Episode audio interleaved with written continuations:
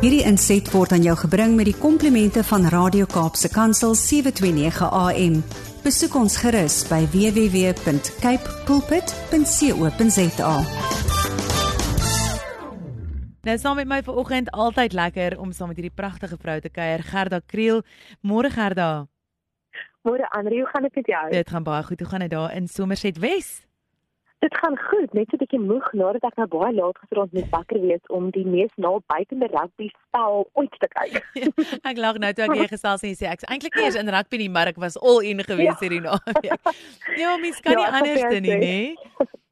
Nee, jy weet ek dink ons in Suid-Afrika nou, ons so behoefte aan 'n bietjie goeie nuus en 'n bietjie mm. hoop dat mm. jy weet daar is eintlik so baie op ons ou bokspanetjies skouers.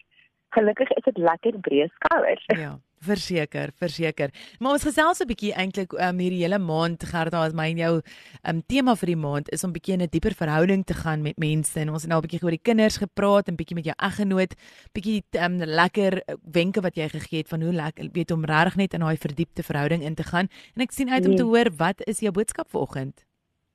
Ja, so vandag praat ons net 'n bietjie meer daaroor hoe mens dieper verhoudings met vriendskappe kan vorm. Weet jy Andri, dit is een van die groot klagtes wat ek altyd in my praktyk kry van volwassenes wat my kom sien is dit is so moeilik om goeie vriendskappe te vorm wanneer jy 'n volwassene is. Dit is amper maklik as jy 'n kind is of 'n tiener is of selfs as jy byvoorbeeld studeer of 'n jong werkende is, dan mense het baie meer vryheid. Maar hier nou, ek wil sê middel volwassenheid, is dit regtig baie moeilik vir baie mense om vriendskappe te vorm. En wat ons ervaar en wat ek ook sien by die navorsing vir ons is, is veral mans wat regtig sukkel daarmee om goeie hegte vriendskappe te vorm. Nou, om vriendskappe te vorm is nie noodwendig die moeilikste ding in die wêreld. Die mens moet net weet hoe en dan moet 'n mens intentioneel wees. En ek dink een van die groot dryfvere agter waarom ons vriendskappe wil vorm, is om te voel of ons 'n plek het om te behoort. En ek het nou nog al die pragtigste quotes gesien daaroor en ek kan nie onthou wie dit was nie. Um dalk weet van ons luisteraars, maar die quote het gesê, "Instead of always trying to belong, what about starting to try and participate? En daarin lê soveel druk van wat dit beteken om volwasse verhoudings te bou. Jy sien as jy altyd fokus om te behoort, gaan jy altyd voel asof jy nie heeltemal lekker behoort nie. Want aan die einde van die dag om te behoort beteken dat jy moet deel wees van mense, mense moet jy deel maak van hulle lewens en dan moet 'n groepskohesie rondom jou ook ontwikkel wat jy ervaar. Maar wanneer jy fokus op om te behoort, dan voel 'n mens so bewus van die maniere waarop jy nie behoort nie. Dat dit vir jou eintlik groter word en dat jy uiteindelik voel dat jy eintlik een kan staan van die groep, terwyl dit eintlik glad nie die geval is nie. Maar as jy begin om deel te neem, net op 'n eenvoudige manier, as jy kinders het en jy kan net begin deelneem by jou kind se skool, raak betrokke by die geleenthede wat daar is waar ouers betrokke kan raak, die sportdae of jy weet daar is altyd 'n konsert of 'n ding aan die gang waar hulle iemand se ouers nodig het om te kom help om iets te verf of so. Raak betrokke en daag op. Betrokkenheid is die manier hoe jy in jou volwasse lewe vriendskappe vorm. Dalk voel jy om betrokke te raak by jou kerk. Jy weet, net om betrokke te raak en rondom mense te kom wat deel van die geselfde kringe as jy is, dieselfde skoolgemeenskap, dieselfde kerkgemeenskap, maak dit eintlik 'n natuurlike uitvloeisel vir vriendskap om te vorm. So, as jy 'n vriendskap vorm, kom buite neem hom. Maar hoe kan ons vriendskappe dan nou 'n bietjie dieper? En luisteraars, ek kan 'n ongelooflike boek aanbeveel. Die boek se naam is How to Win Friends and Influence People. En dit is skryf deur 'n man met hom Dale Carnegie, baie jare gelede. Ek dink dit is in 1920 of 30 geskryf. Maar dit word steeds beskou as een van die topboeke oor hoe mense hulle verhoudings kan verdiep en met baie goeie redes. Die raadring is baie prakties en is baie maklik om uit te voer en maklik verstaanbaar.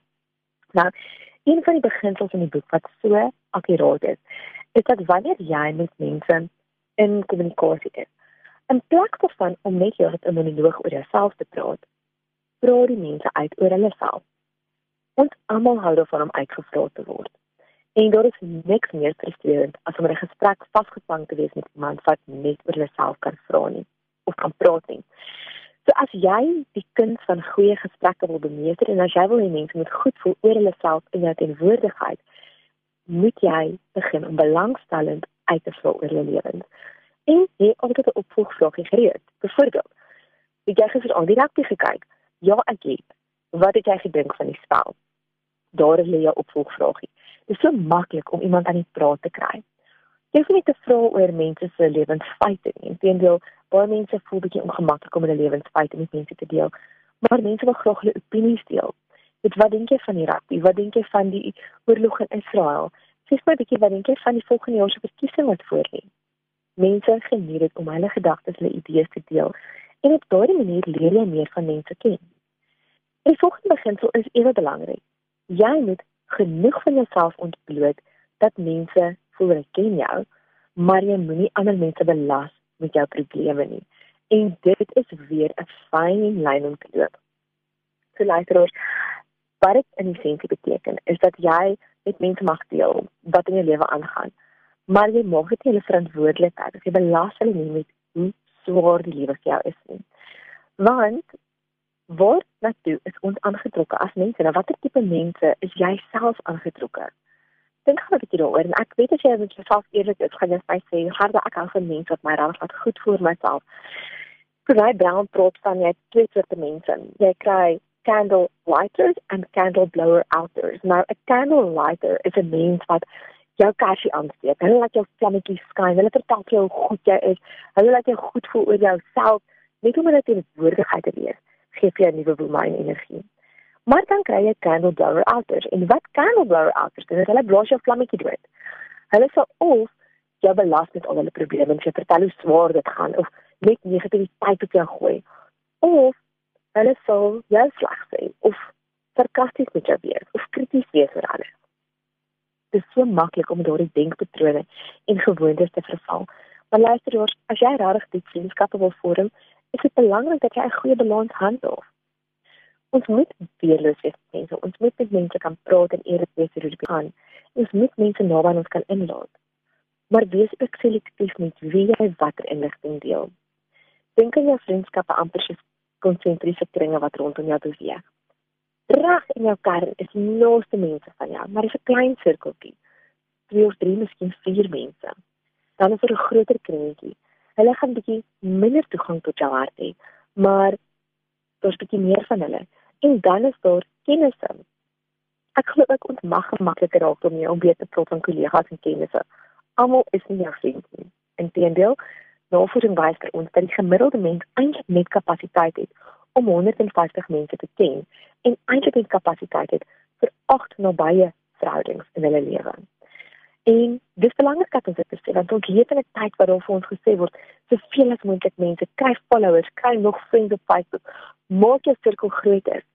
Is bereid luisteraars om dit nie geprogrammeer om ons sirkels groter te maak nie maar ons is gemaak vir dieper vriendskappe. Om 'n goeie vriend te wees beteken ook om op te daag vir ander mense in hulle tye van moeilikheid jy hoef nie altyd te weet wat om te sê nie maar om net op te daag met 'n bak kos of 'n bos blomme wanneer iemand deur 'n moeilike tyd gaan kommunikeer ook wat jy aan hulle dink. En as mense dit op mekaar sit is die moeilikste van al hierdie aksies eintlik sekerlik tog om net eers te begin deelneem op die plekke waar jy beweeg sodat jy uiteindelik mense kan leer ken vriendskappe kan dieper vat. Nou wat ek wil sê? Raak uit jou vriende wat jy reeds het moenie skaam wees as jy 'n paar maande laas met hulle teruggepraat het nie dit is steeds daar en ook net besig met hulle lewens en dat jy nie afgeskryf nie Dit is regtig uitwys luisteraars om in hierdie week 'n punt van te maak om 'n vriend of vriendin te skakel kom jy lanklaas gesels het. En so wil ek bietjie te hoor, hoe gaan dit met hulle lewe? En kort voor lank gaan jy begin sien hoe mense dieselfde met jou doen. En dit is wat ek het vir julle vandag.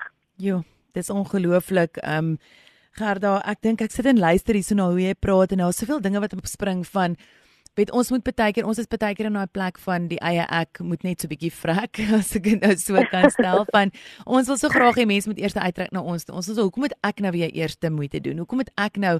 Maar as jy net daai net presies wat jy gesê het net daai aanskakeling hoor jy het jy gister aan die rugby gekyk? Of hoor jy net 'n net 'n aanknopingsvraag het gaan baie mense dalk net so bietjie ehm um, weet van jou kant af ook of van hulle kant af weer wil uitreik na jou toe. En ek sien dit veral met die mhm. mans, ehm um, Jimmy het so 'n manne groep ehm um, Courageous wat hulle daai hele boek gevolg van die courageous en hulle weet hulle werk al elke hoofstuk deur elke vir 15 weke werk hulle en is 5 uur in die oggend want geen ou het 'n ander tyd nie en Vrydagoggende 5 uur is hulle ek weet so 4 of 5 ouens um, op 'n Zoom en Jimmy sê ek kan nie wag vir Vrydagoggend nie want dis waar hy kan connect met mans wat hy ja. net so 'n bietjie sy hart kan praat en net so 'n bietjie kan sê hoorie maar oh, dit was 'n slegte week en dit is as jy sê ja. mans vind dit baie keer nogal moeilik om om dit te doen.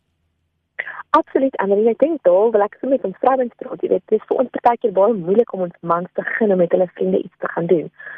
Maar die navorsing wys vir ons dat mans het geweldig minder cybersosiale interaksie. Mees van mans se interaksie is baie verwaand of so. Ek laat my man toe, as hy sê hy wil 'n fik aand gaan en hy wil Mission Impossible gaan kyk sommer die manne, dan laai hulle 'n kar vol en hulle ry na die IMAX en hulle gaan kyk dit. En weet jy, hoe baie van ons vriende sê Jakobus, jy is die enigste ou wat jy moet doen.